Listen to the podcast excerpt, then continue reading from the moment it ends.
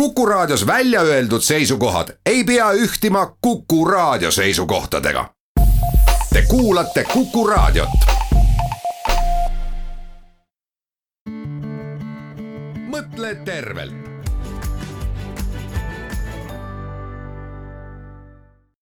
head Kuku kuulajad, Mõtle tervelt saade eetris tervise, arstiteaduse ja mis viimasel ajal hästi kõnetav teema viiruste asjus, millest ka me antud saate siis ka teeme. meil on külas Tartu Ülikooli viroloogia professor Andres Merits, tervist. tervist.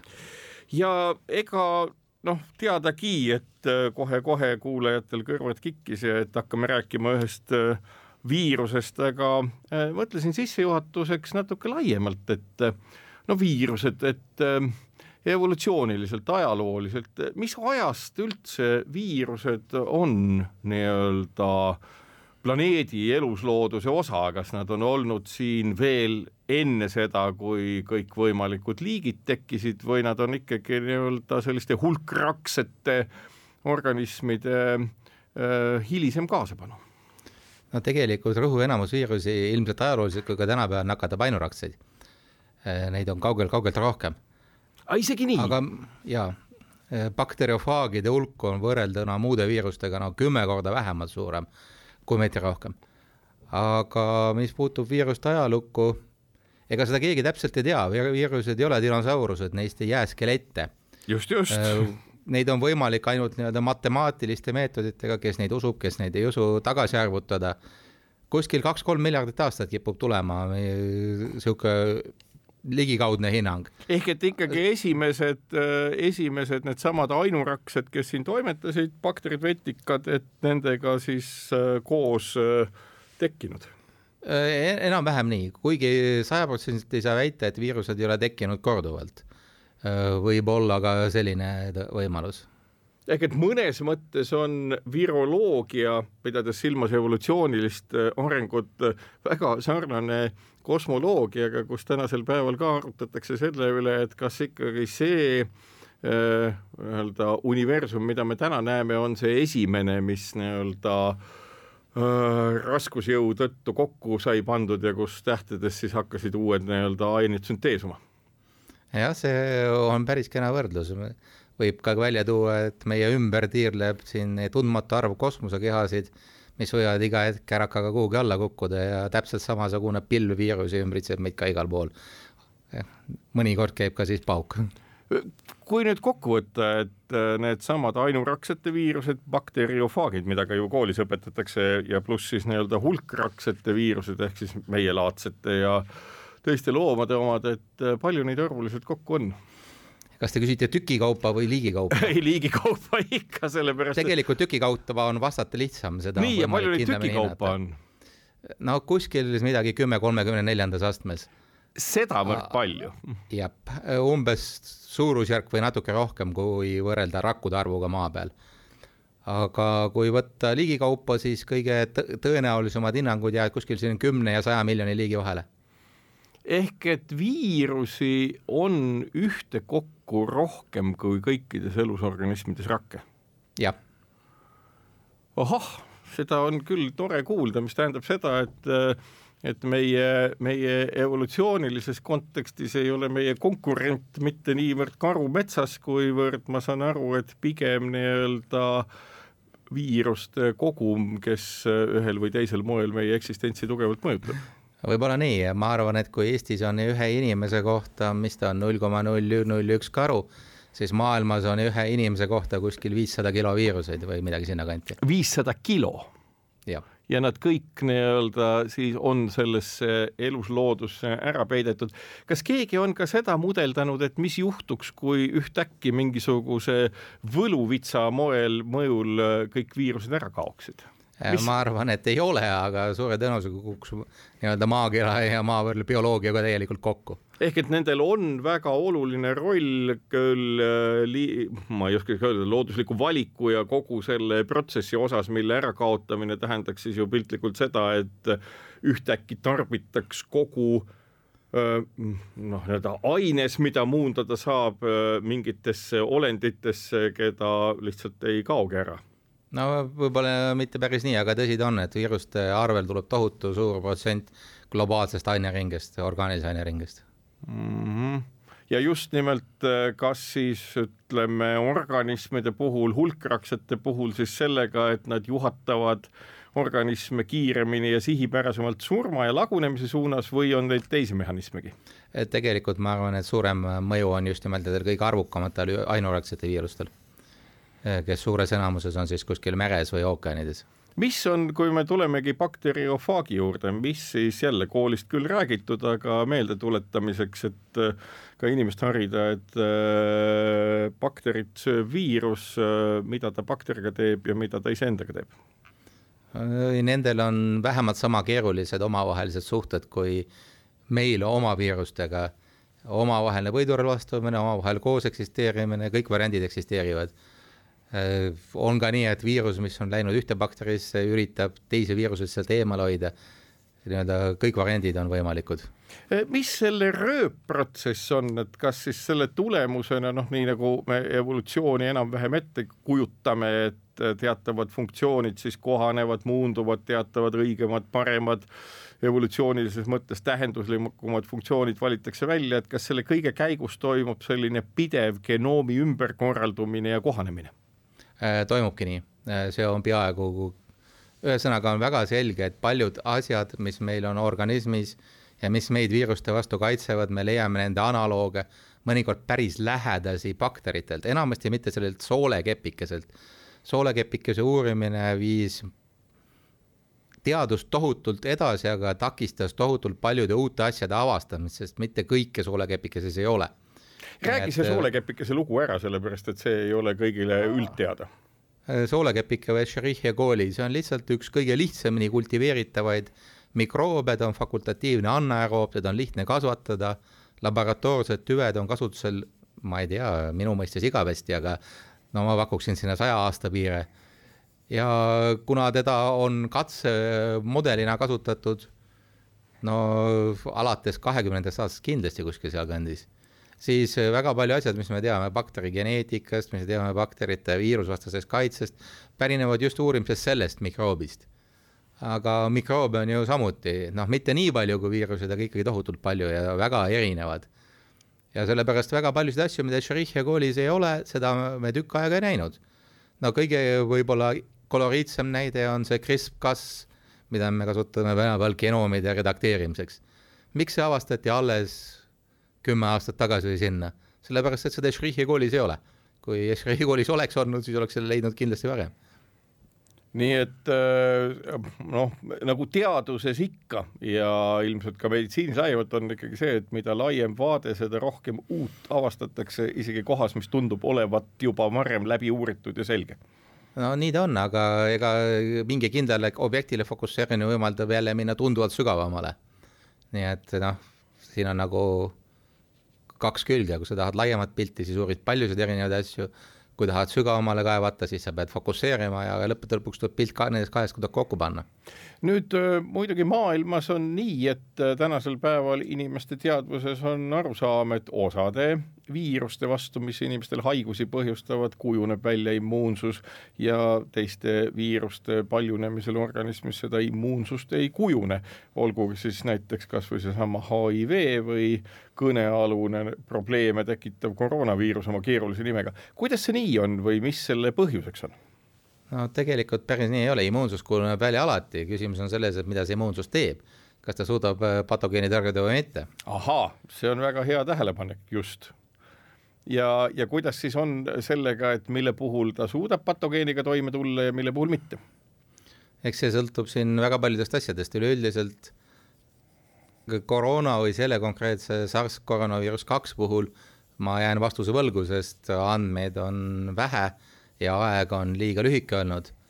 mis puudutab muid viirusi, siis tüüpiline on jah, mõnede viiruste puhul on immuunsus äärmiselt tugev ja püsiv.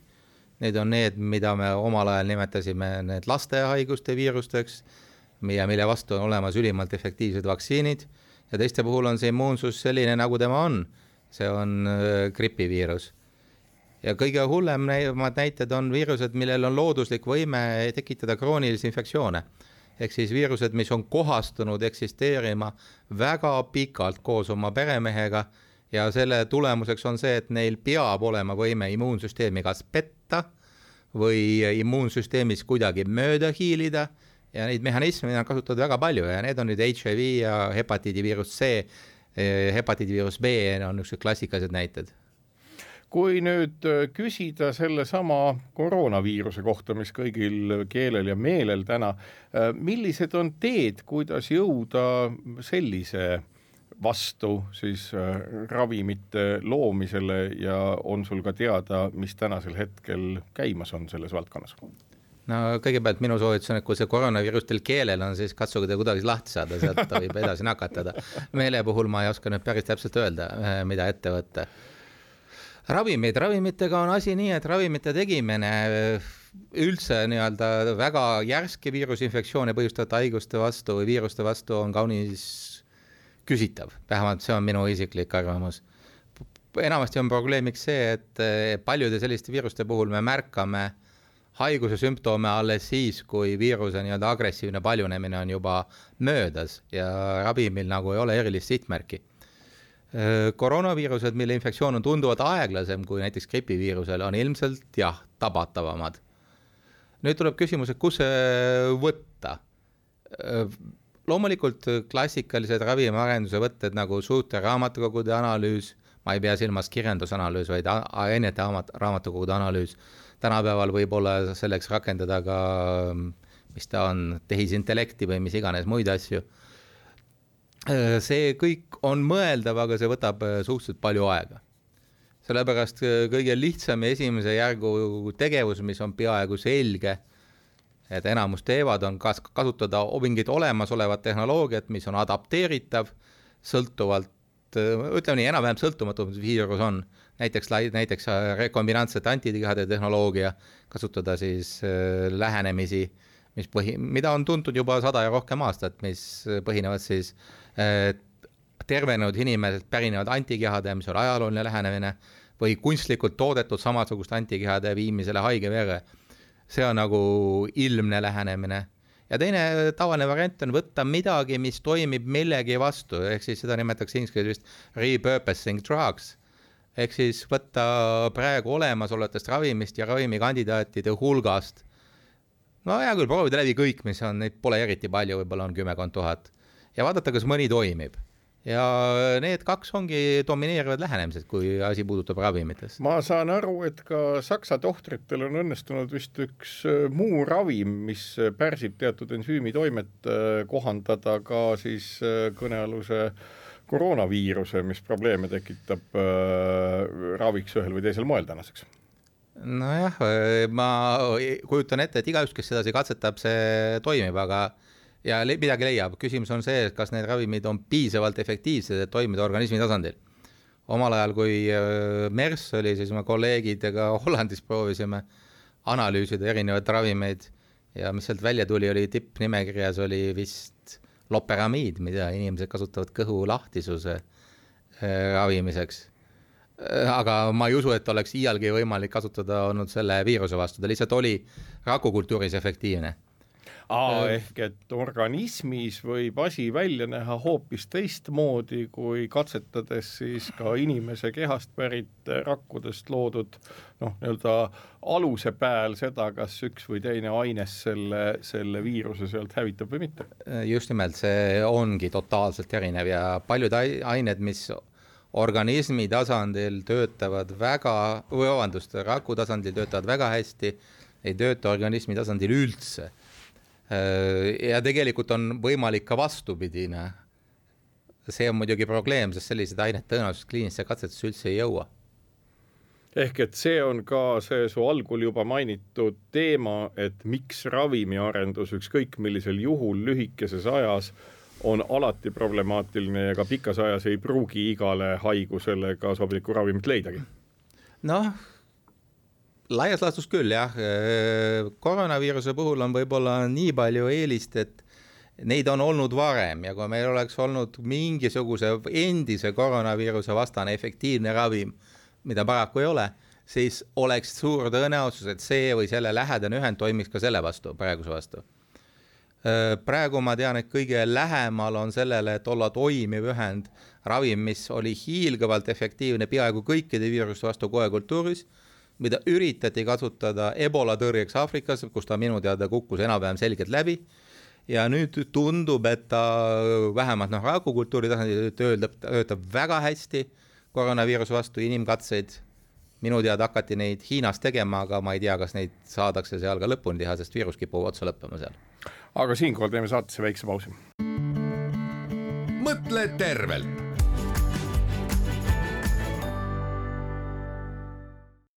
head Kuku kuulajad, Mõtle tervelt saade jätkub, külas viroloogiaprofessor Tartu Ülikoolist Andres Merits, mina saatejuht Marek Strandberg.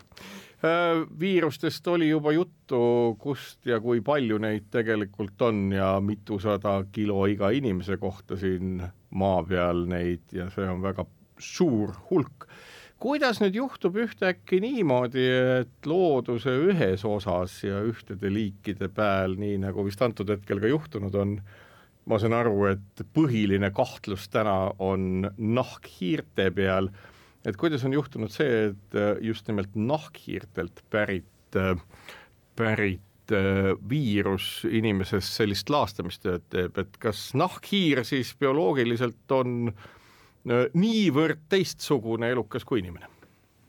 Äh, on küll jah, äh, ta näeb täiesti teistsugune välja. ja vastab tõele, et inimesed harva ripuvad pea alaspidi, seda loomulikult. noh, mingist just vamp-, vampiirid nagu on olemas jutude järgi.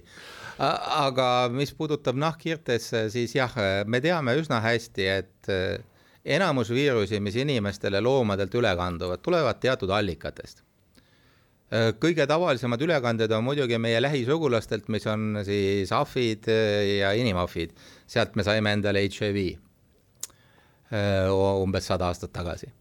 teine tavaline ülekandesuund on mingisugused väikesed elukad, mida on hästi palju ja selles osas võib siin mõelda mingisugustest närilistest, enamasti tegemist on episoodiliste viirustega, siia hulka kuuluvad igasugused arena, punia ja muud ebameeldivad elukad kolmas väga tavaline viiruste allikas on veelinnud. sealt on siis pärinevad igasugused linnugripiviirused. miks just veelinnud? ja neljas ja hetkel praegu siis kõige populaarsem, kui vähemalt kirjandust lugeda, on nahkhiired. nahkhiirtel on väga palju põhjusi, miks nad on tohutud viiruste allikad, sest nad sisaldavad neid või nad kannavad viirusi ikka võrreldes kõikide muude meile tuntud selgroogsete või imetajatega tohutult palju rohkem. kas nad siis ei kannata ise nende viiruste all, on nad siis nii-öelda lihtsalt sellised äh, rikkalikud konteinerid taludes kõike ja, ja olles siis sellised nii-öelda kultivatsioonikeskkonnad või kuidas seda nimetada? pigem mitte, ma arvan, et kui seda asja hakata lahti lappama, siis tuleb tagasi minna evolutsioonis umbes nii viiskümmend miljonit aastat. no läheme. ehk siis ajastusse, kus dinosaurused olid juba välja surnud ja nahkhiirte eellased otsustasid, et nemad hakkavad lendama. ja enamus sellest äh, ilmselt on otseselt lendamise tagajärg äh,. lendav eluviis äh, põhjustab nahkhiire füsioloogias väga olulisi muudatusi, milliseid võrreldavaid ei ole ühelgi teisel imetajal see tükk aega oli kahtluse all, kas see mõju, mõjutab viiruse, ei mõjuta viiruse, kuivõrd oluline on, aga praegusel hetkel nagu praktiliselt kahtlus ei ole, pilt on selge, jah, see on äärmiselt tähtis, nahkhiired on erilised ja nahkhiirte füsioloogia, mis osalt on ette nähtud siis väga passiivseks eksisteerimiseks, mis nad näiteks meie Eesti nahkhiired praegu teevad, teisel juhul äärmiselt efektiivseks tegutsemiseks ehk siis aktiivseks lendamiseks, mis on äärmiselt energiat kulutav protsess tähendab seda, et nende füsioloogia peab suutma nii-öelda liikuda ühest äärmusest teise äärmusesse. mis ja... ütleme, ainevahetuskiiruse või südame töökiiruse vahe on, et hiberneerunud loomad, noh, süda lööb kord minutis. sekundis, minutis, minutis., minutis jah, korra ja.. mis see lendamisel on siis? tuhandeid lööke? kaks tuhat, jah. kaks tuhat lööki sek-, minutis? jah, vastavalt sellele on ka ainevahetus ja hapnikutarve umbes kahe tuhande kordne vahe ja sellega tuleb see väike organism edukalt toime hämmastavalt hästi seejuures. aga ilmselge on see, et hapnik, ütleme need, kes tunnevad vähegi biokeemiat, hapnik on väga ohtlik aine ja hapniku organismi sattumises tekivad hapnikust väga suurel hulgal ka igasuguseid vabasid radikaalseid ühendeid, mis lõhuvad, purustavad, hävitavad. ja neid tuleb kontrollida ja on täiesti selge, et nahkhiirtel on seda hapnikust ja üldse sellest aktiivsusest tulnud stressi tohutult palju. võrreldes meiega, meie ei suuda oma südametegevust kiirendada kaks tuhat korda. ja ilmselt selle tagajärg ongi see, et nad on sunnitud olnud oma reaktsioone sellistele stressidele, kaasa arvatud siis hapnikustress, aga ilmselt ka bioloogilised stressid lihtsalt nii-öelda maha keerama sellisele tasemele, kus nad taluvad seda. ja selle kaasnud faktoriks on see, et neil paljud immuunsüsteemi komponendid, mis inimesel on olemas või mis on funktsionaalsed, neil kas puuduvad või on meie mõistes kas mittefunktsionaalsed või äärmiselt ebaefektiivsed. ja see tähendab seda, et nahkhiire füsioloogia on üles ehitatud talumisele, samal ajal kui meie oma on üles ehitatud nii-öelda äratundmisele ja tõrjumisele ja reaktsioonile. Ehk kui ma praegu nagu kuulan seda juttu, siis inimese puhul noh, see niisugune intuitiivne distantsi hoidmine nahkhiirtega, mis kõikvõimalikes nii-öelda müütides ja lugudes on et sellel on ikkagi täiesti adekvaatne põhi all, et nahkhiirt mingi lemmikloomana või lihtsalt äh, äh, lähedal pidada ei ole üldse mõistlik. Jah, võib-olla see kuidagi on see rahva pärimusse tulnud, kuigi ma kahtlen, et sellel on olnud no see ilmselt on see juhuslik, loomulikult ma ei arvagi, et seal midagi tõsist taga on. nahkhirm on äärmiselt vastik koduloom pidamiseks, sest pidage silmas, Eesti nahkhiired söövad liblikaid, kärbseid ja muud taolist õhus lendavaid asju. Nad ei tule teile iialgi taldriku peale sööma, kui te annate neile lihatükikesi, te peate tema ees kärbest vehkima või kärbseid õhku loopima pidevalt, et ta neid püüda saaks ehk et nii-öelda toitumine ka teistsugune, lisaks loomulikult arusaam sellest, et, et noh, siis ta ikkagi ju toimib teatavas mõttes nii-öelda sellise, sellise kasvulavana või paljunemislavana erinevatele viirustele. kas, kui juba sult küsida nii-öelda sellist asja, kas nad on siis ka ütleme bakterite suhtes kuidagi avatuma meele ja sallivama immuunsüsteemiga? Tõenäoliselt, ma ei ole neid otseselt neid andmeid vaadanud, aga ütleme nii, patogeenide äratundmise rajad, mis tunnevad ära viirusi ja mis tunnevad ära bakterid, on erinevad täiesti erinevad, jah? Äh, ja no mitte päris, äh, aga nad siiski on erinevad, sest organism peab tegema vahet, kumbaga on tegemist, kumb ründab. Äh, viirustrajad on neil kindlasti maha reguleeritud, ma eeldan loogiliselt ka bakterite omad on, aga ma ei ole sellesse Äh, nii-öelda kunagi süvenenud. ma ei hakka praegu otsima, kindlasti on sul endal olemas peas, et kui vanaks siis elab selline nahkhiir, et tundub, et äh, eluiga võiks tal olla väga lühike, aga teadupoolest on see ikkagi ja, see on... kestev olend. see, see on vale arusaamine, et nad lühikesed, isegi väikesed nahkhiirad elavad paarkümmend aastat, suured seitsekümmend, kaheksakümmend aastat ehk et selline nii-öelda immuunsüsteemi mahakeeramine ja vaatamata asjaolule, et elatakse tugevas oksidatiivses stressis äh,, tasub ennast ära eluea mõttes oo oh jaa, näed, viiskümmend miljonit aastat on väga pikk aeg. selle jaoks selle... jõutakse välja mõelda ikka väga palju toimivaid lahendusi. kas inimese jaoks huvitav ka immuunsüsteemi mahakeeramine võiks nii-öelda eluiga pikendada, kas keegi on selle peale üldse nii-öelda selles kontekstis mõelnud? Ma ei tea, võib-olla räägime viiekümne miljoni aasta pärast. Jah, kui selleks ajaks inimene veel olemas on. ma saan aru, et see ahel, et just nimelt kõnealune koroonaviirus, millest äh, räägime ka, äh, on inimese hulka tulnud, ongi nii-öelda meie ja nahkhiirte äh, teede ja kulgemiste nagu ristumise tõttu tekkinud. Jah, kuigi ma arvan, et seal vahel on olnud veel vähemalt üks lüli mm.. üleüldiselt nahkhiirdelt inimes-, viirused inimestele enamasti kanduvad üle mingi vahelüli, lüli kaudu. vähemalt koroonaviirused seni on seda teinud. ja see lüli on äh, keegi isenditest või mis protsess seal on ma vahel? ei tea. seda ei oska keegi arvata. vahepeal oletati, et pangoliinid on, aga ma ei ole näinud veenvaid andmeid selle kohta ehk et me oleme täna olukorras, kus äh, teadmisi on tohutult, aga täpset nii-öelda ahelat ja rada teada ei ole. kas kõikvõimalike muude noh, nii-öelda inimest kimbutavate, vot kui sa mainisid seda, et veelindudelt on meil pärit äh, linnugripp, miks just veelindudelt, küsisin ma vahele, aga su jutt läks edasi ausalt öeldes täpselt ei tea ma arvan, et see on kindlasti kuidagi seotud levikuga, sest tegelikult linnugripi viirused levivad keskkonna kaudu ja need on sooleviirused. Äh, mitte hingamisnakkuse viirused nagu inimese puhul. muide, looduses koroonaviirustele väga tavaline on täpselt samasugune levikumeetod. ehk soolestiku kaudu? jah loomadel omad vähemalt levivad nii. kuidas inimesel on, kas äh, meie nii-öelda organismist väljuvad ka siis viirused mitte ainult köhides piisknakkusena või kas on ka nii-öelda koroonaviiruse puhul arvata või kindlaks tehtud seda, et see näiteks väljaheite kaudu leviks? Äh, see, et viirus välja, viiruse RNA-d või võib leida väljaheidetes, on tõestatud fakt.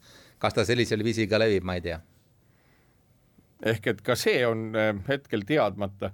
kas ma saan õigesti aru ka siis sellest tõsiasjast, et äh, pigem on põhjust nii-öelda toimida ettevaatlikult äh, kui uljaspäiselt kogu selle viiruse leviku ja, ja muude temaatikate küsimuses?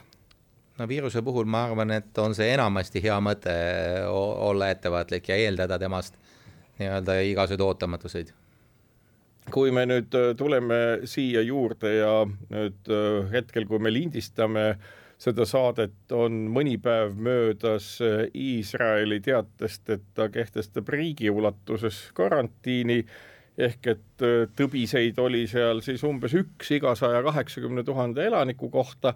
kas see on käsitletav kuidagi ülereageerimisena epidemioloogilises mõttes või täiesti adekvaatse sammuna?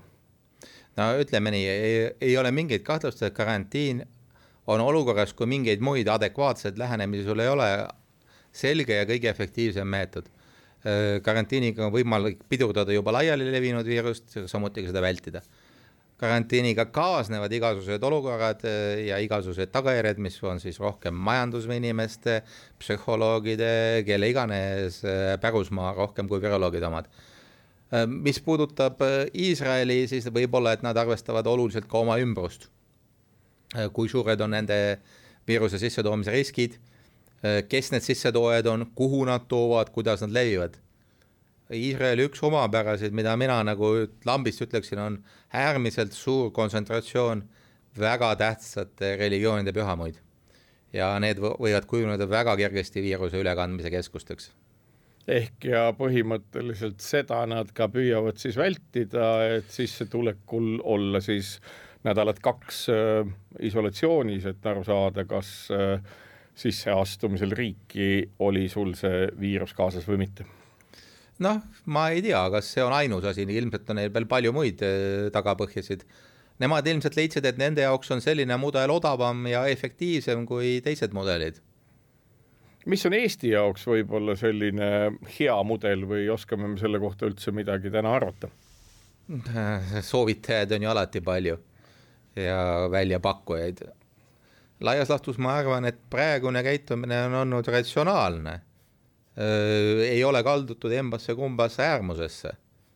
ja kui ma lugesin eile, et investeeritakse ja kavatakse suurendada diagnostikavõimekust siis ma võin sellele ainult nii-öelda kaasa kiita, see on loogiline, see on mõtestatud, sest suurim oht meile peitub tõenäoliselt mitte selles, et meil viirus sisse tuuakse, seda tuuakse jäädaksegi tooma.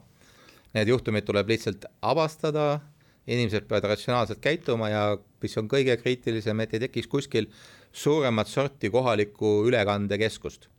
mis võib tekkida mis... teadmatusest noh, ühte lugu me teame, Lõuna-Korea seda ususekti lugu. ma ei tea, mis on täpselt Itaalia lood, aga, aga täiesti selge on see, et nad lasid selle kontrolli alt välja. ja noh, Iraani kohta ei tea keegi eriti midagi noh, selle kohta ei teata ka muudes nende valdkondades suurt midagi, et ühiskond Just. ongi väga suletud. jah, aga laias laastus on selge, et asi läheb äh, hapuks sellel hetkel kui tekib niisugune aktiivne viiruse ülekanne, ma ei pea siin silmas seda, kui te vaatate isegi Terviseameti lehekülge ja seda informatsiooni, seal on nagu kolm riski. sissetoomise risk väga kõrge, kohapealse leviku risk kõrge, massilise leviku risk madal. vot kui me suudame seda massilise leviku riski madalast hoida sellele tasandile, et seda ei hakkakski toimuma, oleks okei okay. siinkohal teeme saatesse väikese pausi. mõtle tervelt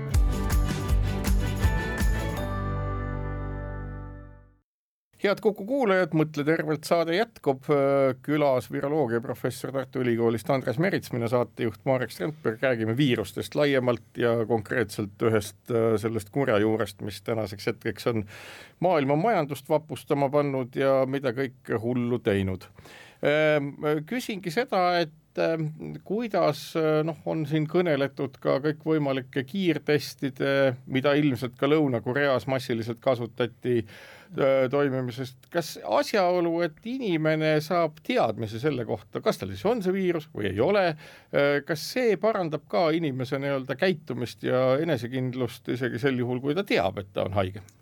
Äh, ma arvan, et teadmine, et tal viirus on, on iseenesest väga häiriv, aga kahtlemata inimese käitumist väga tugevalt mõjutab ma saan aru, et nende kiirtestide osas kahtlused seisnevad just nimelt selles, et nad võivad anda vale negatiivse tulemuse, ehk inimene saab teada, et tal viirust ei ole või vähemalt arvab, et on ja muudab sellest lähtudes oma käitumist. uljemaks. uljemaks, jah aga kui ta saab selle teada ja öeldakse, et jah, et see on hetkel nii, et te peaksite ennast veel kontrollima, kui ta on teadlik nii-öelda ka selle vale negatiivse tulemuse, mis on ilmselt siis selle tõttu, et viirus on küll organismis, aga mitte paljunenud tasemeni, kus ta on detekteeritav, kas selline nii-öelda tegevus inimeste harimine siis testimise kaudu parandaks nende kollektiivset käitumist või see kollektiivne käitumine allub ikka mingisugustele veidratele psühholoogia reeglitele, mida ei ole nii lihtne muuta? jah, see kindlasti ei ole minu valdkond, kus ma võiksin midagi tarka öelda. mina eelistaksin alati teadmist, aga samuti ka seda peenest kirjas rida, et testi täpsus on üheksakümmend üheksa protsenti. millest siis tuleb välja, et iga saja testi kohta üks võib eksida, eks ole? jah nüüd, kui tulla tagasi sellesama mm, Hiina äh, juhtumi juurde, siis noh, ega ju väga suur hulk kõikvõimalikke kuulujutte puudutab küll mis iganes biorelva ja muud sellist, no see tundub kuidagi kohatu, et miks teha nii kehv biorelv või kuidas sinu vaade selle peale on, et on ju võimalik teha palju koledamaid, kui juba teha ei, seal ei ole midagi sellist, vähemalt peale vaadates, mis tast räägiks, et ta on kuidagi manipuleeritud või kuidagi tekitatud. ehk et seesama jutt, mida me eelmises saate osas rääkisime, kus oli juttu nahkhiirest kui täiesti teistsuguse füsioloogia ja käitumisega elukast, et nagu pigem see, et me oleme oma nina kas siis talle või tema kaudu mingi vaheorganismile liiga lähedale pistnud, on kõige tõenäosem nagu põhjus. ma olen peaaegu kindel, jah. ühesõnaga selle viiruse puhul tal ei ole ühtegi omadust, mis räägiks et teda oleks võinud isegi kavandada millekski korjamõtteliseks ja ei ole tõenäoline, et äh, seda oleks, selle peale oleks keegi midagi investeerinud ja hilisem muidugi käitumine ka, nad ei saanud aru, mis toimus, nad ei osanud õieti hinnata selle viiruse riski, kui nad oleks sellega ise tegelenud või lähemalt tegelenud. ühesõnaga, ühtegi selle viirusega piisavalt lähedast analoogi neil ei olnud ja nad ei teadnud, mida ta endast kujutab ja kui hästi ta toimib. Nüüd, äh, nüüd seesama nii-öelda küsimus, et nagu hiinlaste äh, käitumine mingist hetkest muutus väga radikaalseks ja väga jõuliseks, kas nii-öelda nende kaitseülikonnad ja see, mida me meedias nägime, oli pigem selle tõttu, et ei teatud, milles asi või vastupidi, teati väga täpselt tollel hetkel, kui selle vastu toimima hakati, milles asi? Osalt ei teatud, äh, aga ma arvan, et osalt on see ka selles, et inimestele üritati luua mingit kindluse tunnet äh, maskide ja muu osas, mu Hiina kolleegid on alati praeguseni väga üllatunud, et me maski ei kanna Euroopas. ehk et äh, see on ikkagi sellesama nii-öelda riikliku hoole väljanäitamise küsimus, et sa oled ise hoolas, oled hästi kaitstud ja siis sa suudad turvata ka kedagi teist no väga võimalik ja teisest küljest muidugi nad lasid situatsiooni kontrolli alt alguses välja, selleks, et ta kontrolli alla saada, oli neil vaja ikka võtta kasutusele väga drastilisi meetodeid. kui me hüppan nüüd uuesti nii-öelda selle evolutsioonilise temaatika peale natuke, noh, jutt oli viiekümne miljoni tagusest aastast, kus dinosaurusi enam ei olnud ja hakkasid teised nii-öelda tegelased siin ennast äh, paremini tundma äh, nüüd meil ka tänasel hetkel nii-öelda seesama küsimus kliimamuutustest ja ökosüsteemi ümberkorraldamisest, noh tavatust hindame niimoodi viimase miljoni aasta jooksul, nii nagu Antarktika jääpuurimised meile näidanud on kas meil on põhjust ka ettevaatlik olla selles osas, et seesama mainitud pool tonni, pool tonni viirusi iga inimese kohta, nagu sa mainisid, kusagil ringi liikumas, küll äh, bakterite vallas, küll hulkraksete vallas, et kas selles on äh, ka põhjust karta nüüd kliimamuutuste kontekstis ja liikide ümberkorraldamise kontekstis mingit äh, noh, nii-öelda teisenduste ahelat, mis lisaks nendele samadele äh, nahkhiirte teemale võib ka meid külastada siis ma ei tea, lähema kümne aasta jooksul, mitte enam lähema saja aasta jooksul. ma olen enam-vähem veendunud, et täpselt nii see ongi.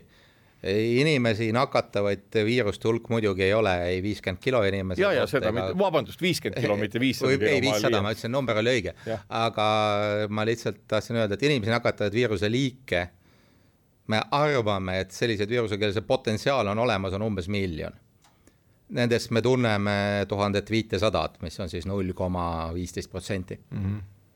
see ei ole just palju. mida need ülejäänud üheksakümmend üheksa koma seitsekümmend, kaheksakümmend viis protsenti viiruseid parajasti teevad ja millist ohtu nad endast kujutavad, sellest pole meil üldiselt õrna aimugi kas nüüd asjaolu, et nii Hiinas kui mujalgi maailmas väga oluliselt on ette võetud äh, erinevate liikide genoomi ülestähendamine, nende füsioloogia kirjeldamine ja kõik muu selle arvutisse viimine, kas ka viiruste ja bakterite puhul toimub äh, midagi samasugust? toimub ja tegelikult on see üks suundi, mida peaks minu arvates äärmiselt kiiresti üritama edasi viia. Me enam-vähem teame, kus on ohuallikad ja põhimõtteliselt oleks võimalik nende viiruste kohta, nagu ma ütlesin, neid on tohutult palju nad on praktiliselt täiesti tundmatud, saada väga palju esialgset informatsiooni. kui palju neid on, kus nad on, kui sarnased nad inimese patogeenidega on, mida seda teha, see nõuab tööd ja investeeringut, ma arvan, et mu Ameerika kolleegid on seda arvutanud, et see oli vist viisteist miljardit dollarit no ühesõnaga peenraha võrreldes selle kahe koma seitse triljoniga. jah, mis on kadunud börsidelt, ühtäkki on inimesed oma aktsiapaki mõttes jah, mõne triljoni võrra kergemaks jäänud ja seda ainult selle tõttu, et eh, nagu ma aru saan, teadmine viiruse kohta, konkreetse viiruse kohta ei ole olnud piisav. jep, ja ma arvan, et kui me teaksime, oleksime teadnud rohkem nende kohta, siis need üllatused ei oleks sellise mastaabiga nii ootamatud. ega on... nad tulemata jääks, oleksid muidugi, aga aga me oleks ette valmistatud ja kas ma saan aru, et tänase päeva siis andmetöötluse, genoomika ja muu selline tehisintellekt ja töötlusvahendid võimaldaksid siis disainida paremini, kiiremini ka asjakohaseid ravimeid või? kas nüüd, nüüd seda, aga tõenäoliselt, aga eelkõige alu, algatuseks saaks aru kiiremini, kust see probleem tuleb sedakorda hiinlased said väga kiiresti viiruse sabast kinni põhjusel, et ta oli koroonaviirus. kuna koroonaviirused on äratuntavad, me teame, millised on ja ta oli ka nahkhiiriviirustele piisavalt sarnane, oli nii-öelda täiesti põhjust alarmi tõsta. aga kui ta oleks olnud mingisugune meile täiesti tundmatu viirus, mida me pole üldse näinud, siis arusaamisega, et ta üldse on viirus, et ta kujutab endast ohtu, mida ta teeb, oleks võinud minna lubamatult palju aega ehk et tegelikult äh, mitusada korda rohkem on meile tundmatuid tegelasi kui tuntuid ja see on ka jah, sada viiskümmend umbes. või vabandust, viissada korda vahelt, vahest on vahe. et see on vahe ja see on nagu see ohumärk, mida tasub alati silmas pidada. kuidas ja, nüüd on, et kas viirused, kui inimesed või ka nahkhiired nendega kokku puutuvad, et kas viirustest jääb ka meie genoomi mingisugune jälg, mingisugune äh, mälu ühel või teisel moel, kas või asjaolust, et me oleme neid kunagi näinud, et meil on olemas mingisugune immuunsus või me jäämegi nii-öelda geneetilises mõttes liikuma täiesti erinevaid radasid pidi? ei, ikka jääb küll, osalt äh, viiruste olemasolu on kindlasti mõjutanud meie immuunsüsteemi, aga teisest küljest äh, meil on organismis äh, juppe viirustest, mida me oleme kunagi põdenud või meie esivanemad on kunagi põdenud päris arvukalt, nad on väga veidrad päritoluviirused, äh, mõnda ei oskaks nagu kuidagi seletada, kuidas nad meie genoomi sattunud on, aga seal nad on, jah. Nüüd äh, aina rohkem siin viimases saate osas või hetkedel saame ju ka rääkida sellest, et aina rohkem kõneletakse ju ka sellest, et viirused võivad olla paljude geneetiliste haiguste noh, nii-öelda ravikandjaks või muutuste sisseviijaks, millega siis harvikhaigusi või ka mingeid muid, näiteks vähkkasvajat ravida saab. kui perspektiivseks sina hindad sellist nii-öelda suunda, kus inimese genoomiga manipuleeritakse siis kasutades sobilikku viiruse kesta? noh, kogu sellel manipuleerimisel on alati teatud eetilised ja mis iganes äh, probleemid, jah, ma arvan, et viiruste võib-olla tõesti kõige suurem rakendusvõimalus on onkoteraapia. kui jätta muidugi kõrvale vaktsiinid, mida saab teha. samuti ka siis geeniteraapia on täiesti realistlikud lähenemised. aga geeniteraapia puhul nii-öelda viiruse no nii-öelda mootori kasutamist, et viia see muutus siis geenidesse sisse, see on tänasel hetkel levinud ja kasutatakse seda või see on ikkagi selline tulevikumuusika?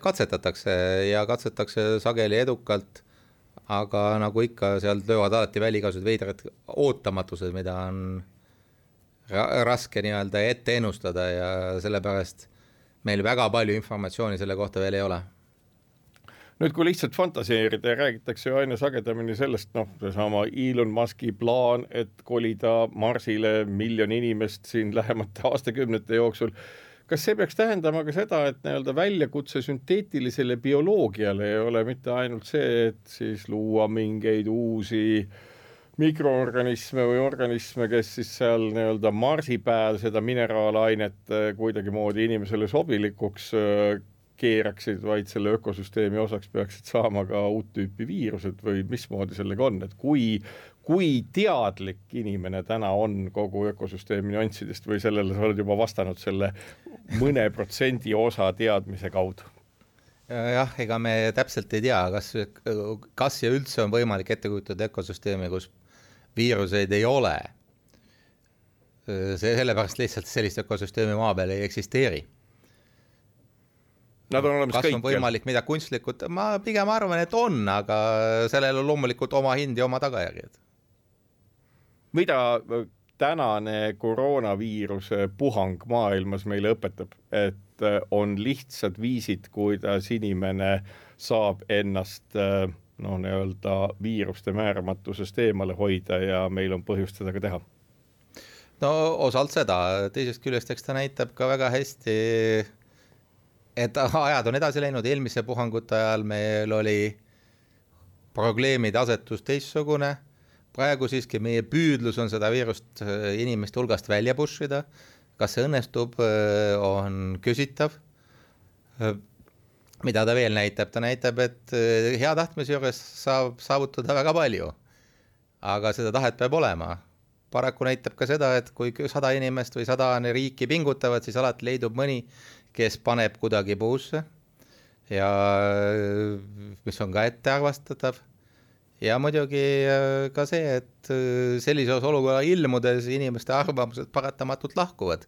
üks tahab teha ühte üks tahab teha teist, äh, õigus võib olla ühel, võib-olla teisel, pole võib-olla kumbagi viroloogia kui teadussuund, sellel vist kadu pole ette näha, pigem vastupidi, nõudlus teadmiste ja oskuste järgi ainult kasvab oo oh jah, maailmas stiililine puhangu järgi päris kindlasti, Eesti kohta ma nii kindel ei ole. aga igal juhul on see õppimist väärt valdkond bioloogi, meediku, kelle iganes jaoks? tõenäoliselt.